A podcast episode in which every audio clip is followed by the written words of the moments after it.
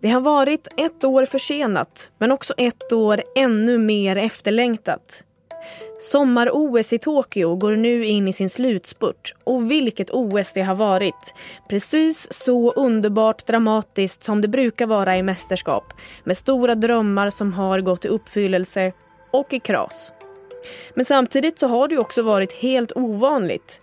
För trots att OS sköts fram ett år för att undvika pandemin så har corona varit allstädes närvarande. Det har varit tävlingar inför tomma läktare, nödläge och rekordmånga smittade i Tokyo. Men det har också varit minnesvärt på andra ovanliga sätt. Ni minns kanske till exempel de virala kartongsängarna som misstogs för att vara en antisexkampanj. Men som egentligen bara handlade om förnybara material. Och så har vi händelsen med den belarusiska sprinten Kristina Timanovskaja som fruktade för sitt liv när hon skulle bli hemskickad till Belarus och så småningom fick humanitärt visum och hamnade i Polen. Men det som det egentligen handlar allra mest om är ju såklart sport. Och där så tar ju svenskarna med sig flera minnesvärda prestationer. Han ställer sig på kant. Det är dubbelt Oj, oj, oj! Det är dubbelt svenskt! Sverige tar guld och silver! Det är guld och silver till Sverige i en hejdundrande diskusdynamisk succé. Oj! Oj, oj, oj, oj, oj. Ja. Allting stämmer för Simon Pettersson och Daniel Ståhl. Vi tar alltså guld och silver. I'm a Swedish Viking! Medaljerna. Sara Sjöström har chansen att ta medalj. Det är McKeon som leder. Det är också Blomet som går bra. Sara Sjöström kommer att ta medalj. Hon blir tvåa! Sara Sjöström blir tvåa bakom McKeon och framför Pernille Blome. Hon får till det i dessa olympiska spel. Det är helt osannolikt vad hon har gjort i den här comebacken, Sara Sjöström. Tänka sig armbågsskadan i februari och hon är tillbaka på pallen. Den olympiske mästaren i stavhopp i Tokyo, Mondo Duplantis då, för världsrekord Ja, också i själva finalen för Sverige och Duplantis. Här då, sista försöket på 6.19 upp och han river! Det blir inget världsrekord, men det blir ett OS-guld. Det går inte att få allt, men det går att få ett guld här i Tokyo till tidernas bästa stavhoppare som nu också är olympisk mästare. Ja, det där var några av många minnesvärda händelser från sommar-OS i Tokyo. Och det är precis det och mycket mer som vi ska prata om i dagens avsnitt av Aftonbladet Daily. Jag heter Liv Elgenklöv. Och med oss idag har vi såklart Sportbladets reporter på plats i Tokyo, Makoto Asahara. Och senaste gången som han var med i ett Daily-avsnitt så var stora frågan hur kommer det här OSet att bli? Och vi ska höra vad han säger nu med facit i hand. Ja, alltså det blev väl ett ganska välfungerande OS trots allt får man väl säga. Alltså, såklart att det har varit en stor smolk i bägaren att det inte har varit publik på de flesta event. Vissa har ju haft lite publiktryck ändå. Om man går till exempel simarenan eller brottarhallen så är det ju mycket funktionärer och ja, liksom tränare och så vidare och lagkamrater som gör att det ändå blir viss stämning. Men totalt sett så idrottsligt har det fungerat. Ja, det har varit coronafall inom liksom OS-bubblan. Men där kan man också räkna att det kommer statistik på att den har ju varit säkrare än vad det har varit liksom i Tokyo som stad. Och det är väl framförallt kanske ett problem för Tokyo som stad naturligtvis. Men OS-arrangemanget som sådant, om vi bara isolerar det så, det har ju faktiskt fungerat. Eh, det känns också som att alla har tagits emot väldigt väl. Det hör man från alla idrottare att liksom det japanska folket, deras irritation ligger kanske snarare ett, en trappa upp mot politikerna och IOK och så vidare än på de som är här, än på mediefolket och atleterna och funktionärerna. Så att på så sätt så har det ändå fungerat bättre än man kanske var orolig för. Alltså, du, hur har hur var stämningen varit? Där det har inte varit någon publik men har det ändå känts som ett mästerskap? Ja, alltså det tycker jag ändå på de idrottsprestationerna vi fått se. För att det har ju varit några enorma prestationer. Det går ju om man bara tar ur svenskt perspektiv.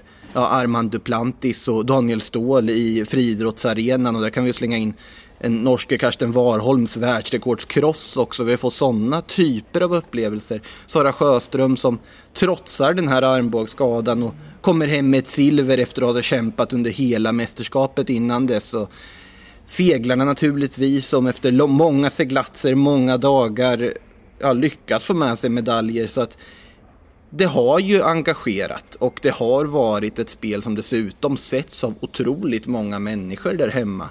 Så det idrottsliga, absolut, där tycker jag att det har varit precis som ett OS ska vara på något sätt. Och hur, har, hur har Sverige klarat sig? Vad har varit eh, väntat? Vad har varit oväntat?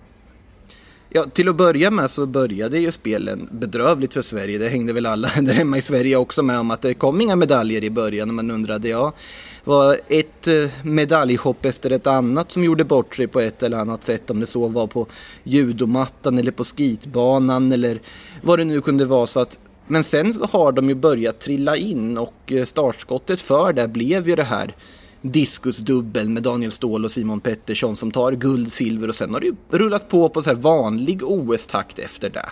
Eh, det ploppar in lite mer väntade medaljer, mer oväntade medaljer också. Jag tänker till exempel på individuella hoppningen här på ridsporten som är kanske ett av de häftigaste svenska ögonblicken i de här spelen med tre av sex stycken svenskar i omhoppningen med, som var felfria. Nu vart det bara en medalj då för Peder Fredriksson men bara det var ju en otrolig överraskning och en häftig afton för alla svenska OS-tittare så att eh, Hittills har det ju varit klart godkänt. Sen får man väl se, det är ju några dagar kvar när vi spelar in det här. Det kan ju trilla in några fler medaljer. Eh, det kommer trilla in några fler medaljer för Sverige ska ju spela en final dessutom i fotboll också. Så ja, det finns ändå väldigt mycket positivt att ta med sig skulle jag säga. Här måste jag komma med ett litet instick. För när vi spelade in det här avsnittet, då visste vi ju inte hur det skulle gå i fotbollsfinalen. Men det gör vi ju nu. Efter en fruktansvärd straffrysare så blev det ju så här.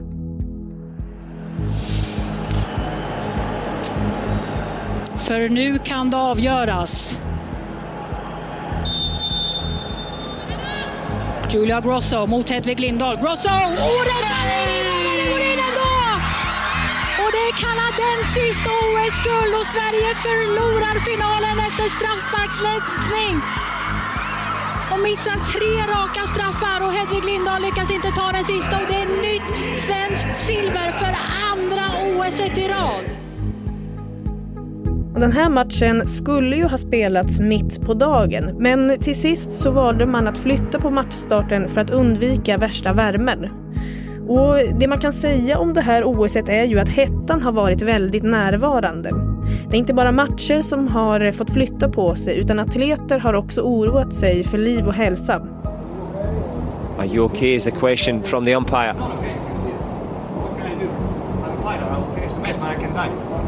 I can finish the match but I can die is the quote. If I die, I'm going to take responsibility because we're a bad company. If I die, who will take responsibility? Now that is some serious talk from the man from the Russian Olympic Committee. Understandable in the literal heat of battle.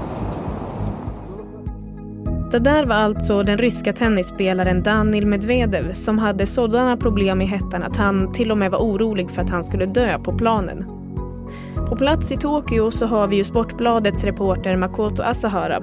Vi ska höra hur han har upplevt värmen.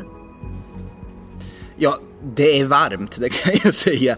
Eh, man, för egen del så har jag ju upplevt japansk sommarhetta förut. Men, och man, man vet ju att man glömmer bort varje gång hur varmt det faktiskt är. Man åker härifrån och tänker, men nu ska jag inte åka tillbaka hit en sommar igen. Och sen glömmer man bort och tänker, men det var väl inte så farligt? Jo, det var ganska jobbigt ändå. Och nu har det varit den sista veckan där det är inte bara värme utan det är luftfuktigheten som gör det så otroligt varmt, att det gör att det känns så otroligt varmt. Och jag vet att många kollegor som kanske inte har upplevt det här tidigare har ju mer eller mindre fått panik i värmen. Det får ju alla. Och eh, det var ju det som gjorde också att man flyttade den här fotbollsfinalen här nu till kvällstid istället. Där det är någorlunda svalare i alla fall. Det är fortfarande otroligt varmt men inte livsfarligt varmt så att säga som det var när Medvedev spelade tennis till exempel. Eh, men det här var ju en faktor som man har känt till och när OS genomfördes i Tokyo på 60-talet, där 64, då körde man ju mycket senare på året. Så att, men sen samtidigt, det finns väldigt mycket olika saker som har lagts in. Det var, jag vet att det var på någon arena som journalisterna fick ispåsar att ha på huvudet liksom under, under spelen. Om man ser på funktionärerna som står ute i gassan, det hette hela tiden, så har de någon sorts liksom air condition västar på sig med kylning i kläderna. Det finns många olika sätt att tackla den här värmen så att man får skylla sig själv att man ändå bara springer omkring med vanliga kläder utan mer än en solfjäder. Liksom. Men eh, nej, varmt är det. Jag tänker också, du var ju inne på det här med pandemihanteringen lite grann förut, men hur, hur, kommer vi att, eh, hur kommer man att se tillbaka på just pandemihanteringen efter att det här är över? I själva OS så har det ju diskuterats och man, det har varit väldigt många olika restriktioner på alla sätt och vis. Där tror jag inte att man kommer att eh, reagera för mycket på det. Problemet ligger ju i det som sker utanför OS-bubblan. För under tiden det här OS har pågått så har ju siffrorna, liksom, alltså de nya fallen ökat för varje dag här i Japan. Och det är inte bara i Tokyo utan hela Japan. Och ganska oberoende av OS-arrangemanget. Och där ligger väl snarare den, alltså missnöjet över OS ligger ju primärt i att varför genomföra detta, varför lägga så mycket resurser på detta när Japan fortfarande är kraftigt drabbat av pandemin och i högsta grad inne i en ny våg av den. Vaccinationen i Japan har ju precis passerat 25 strecket om man tittar på vaccinerade och de flesta är inte vaccinerade till skillnad från de som kommer hit för att eh, ja, delta i de olympiska spelen. Så att oron där är ju vad som händer med Japan efter och sen är det ju den här enorma kostnaden som det här Alltså de här spelen har krävt, för det har varit ett otroligt dyrt spel, det är väl det dyraste spelet genom tiderna för arrangören. Och man kan förstå det när man ser allting runt omkring och infrastrukturen och alla stora arenor och nu får man inte någon publikintäkt på det dessutom så att eh, Nej, det är någon oro för Japan som land, men det är inte nödvändigtvis bara enbart baserat på OS-arrangemanget utan allmänt i liksom pandemisituationen de är i. Eh, sen har vi också haft ett antal eh, atleter som har börjat tala ut om psykisk eh, hälsa. Mm. Varför, eh, varför gör man det nu tror du? Jag tror att det är ju jättesvårt att veta för det där är ju otroligt personligt och då pratar vi såklart om Simone Biles, hennes historia slutar ju väldigt positivt med att hon faktiskt får med sig ett brons när hon kommer tillbaka. Hon kommer in, gör ett perfekt program och får en medalj med sig. Bara det är ju helt enormt egentligen att hon lyckas göra det och få en grenmedalj. Eh, amerikanska gymnasten då pratar vi om naturligtvis. Eh, och Naomi Osaka, stora tennishemmahoppet som åker ut och då där har det varit mycket prat om det inför spelen om psykisk ohälsa. Och jag tror, om man får liksom tala från ett läge där man själv, man kan, det är ju så otroligt individuellt för varje människa, men jag tror att allmänt så är det ett läge där det, har, det är inte tabubelagt att prata om det. Det har blivit en helt annan situation där du kan vara öppen med dina känslor, du får stöd, du får hjälp och du kan vara ärlig mot dig själv på ett annat sätt. Förr så fanns det en annan en annan liksom kutym inom idrotten att det kanske inte var så alltså korrekt eller liksom så accepterat att tala ut om det och vara öppen. Jag tycker att en, om man tar ett svenskt perspektiv var ju såklart Jenny Rissveds situation som på något sätt känt den här pressen av att vara olympisk mästare sen Rio och efter då att hon inte riktigt lyckats då den här gången så att det sköna blir att inte behöva ses som den olympiska guldmedaljören igen utan bara Jenny. Och det är, det är såklart en alarmerande alltså, historia att det kan vara sån press. Och alla hanterar den pressen på olika sätt. Men det är viktigt också att alla får hantera den på det sätt som är bäst för dem själva. Och jag tror att det är där vi har fått se resultatet av att det är mer accepterat och individualiserat hur man hanterar pressen och hur man väljer att agera utifrån den. Men eh, vilken betydelse har det att eh, de väljer att komma ut och göra det här? Jättestor betydelse såklart för alla som kanske på något sätt går i liknande tankebanor, har sina egna bekymmer och så vidare. Visa att även den allra bästa, allra största är mänskliga på något sätt. Att vi, vi ser den, att även de har rätt att må dåligt. Alla har rätt att må dåligt. Det är ingenting som liksom man kan rå för eller styra. Eh, utan att gå in allt för djupt på det så skulle jag säga att det är där framförallt att de är förebilder på så vis. Att de vågar visa att det är okej okay att känna så här. Det här är okej okay att göra så här. Men jag är ju faktiskt nyfiken på, alltså från en journalist till en annan, hur, hur har det varit eh, att vara där och rapportera i det här ändå liksom ganska speciella eh, evenemanget? Alltså det har ju varit ett annorlunda evenemang att rapportera från bara på det faktum att de första 14 dagarna får du inte använda kollektivtrafik och du får inte gå ut på restauranger.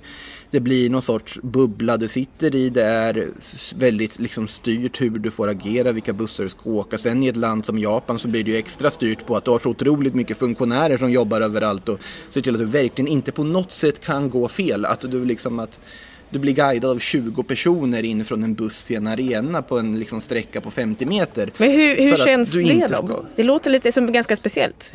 Ja det är det ju såklart. Det, man blir ju liksom vallad som ett får verkligen egentligen. Sen har ju det där släppt lite när man har kommit ur den där 14-dagarsperioden och sen för min del så har det också varit en blandning av att vara tillbaka i ett land som jag känner väldigt väl. Och på så sätt så kanske man inte känner exakt samma som alla andra gör i läget. Men såklart det har varit annorlunda och speciella omständigheter och också ganska långa sträckor och resor för att ta sig till olika arenor och så vidare. Så att man har ju spenderat väldigt mycket tid att åka buss. Så mycket kan jag säga att det jag tror ungefär halva vakna tiden under det här OS har spenderats på en buss på väg eller ifrån en arena någonstans. Men när du tänker tillbaka då, jag tänker så här Makoto, när du sitter på ålderns, eh, när du sitter på ålderns höst och ska eh, se tillbaka på OS i Tokyo, vad, vad är det som du kommer att minnas? Jag kommer minnas den allra mest underliga Japanvistelse jag har haft på att man har varit här och jobbat och varit i en bubbla på ett annat sätt där man på något sätt under tiden börjat inse att just det, jag är ju det här landet som jag känner så väl men det har varit lite annorlunda innan. Jag kommer minnas det som mitt första OS för min egen del också. att som jag har fått bevaka. Det ska också sägas att det är inte så lätt för mig att jämföra med andra OS eftersom att det just är mitt första. Eh, hur det egentligen ska vara så att säga. Men det är väl där jag kommer minnas och framförallt också idrottsupplevelsen man har fått se. Man har fått se Sveriges väg mot den här medaljen i fotboll. För egen del från liksom japanskt perspektiv fått se japanska baseballlandslaget vinna en semifinal och ta sig till en, till en final där också det är många olika liksom, idrottsögonblick man har fått se, många olika arenor, många röster man får prata med. Det är väl det man kommer bära med sig främst tror jag. Där hörde ni Makoto Asahara som är Sportbladets reporter på plats vid sommar-OS i Tokyo. Jag heter Liv Elgenklöv och du har lyssnat på Aftonbladet Daily. Men det ska sägas också att det här avsnittet spelades in under fredagen. Senaste nytt hittar du på Aftonbladets sajt. Så hörs vi snart igen. Du har lyssnat på en podcast från Aftonbladet. Ansvarig utgivare är Lena K Samuelsson.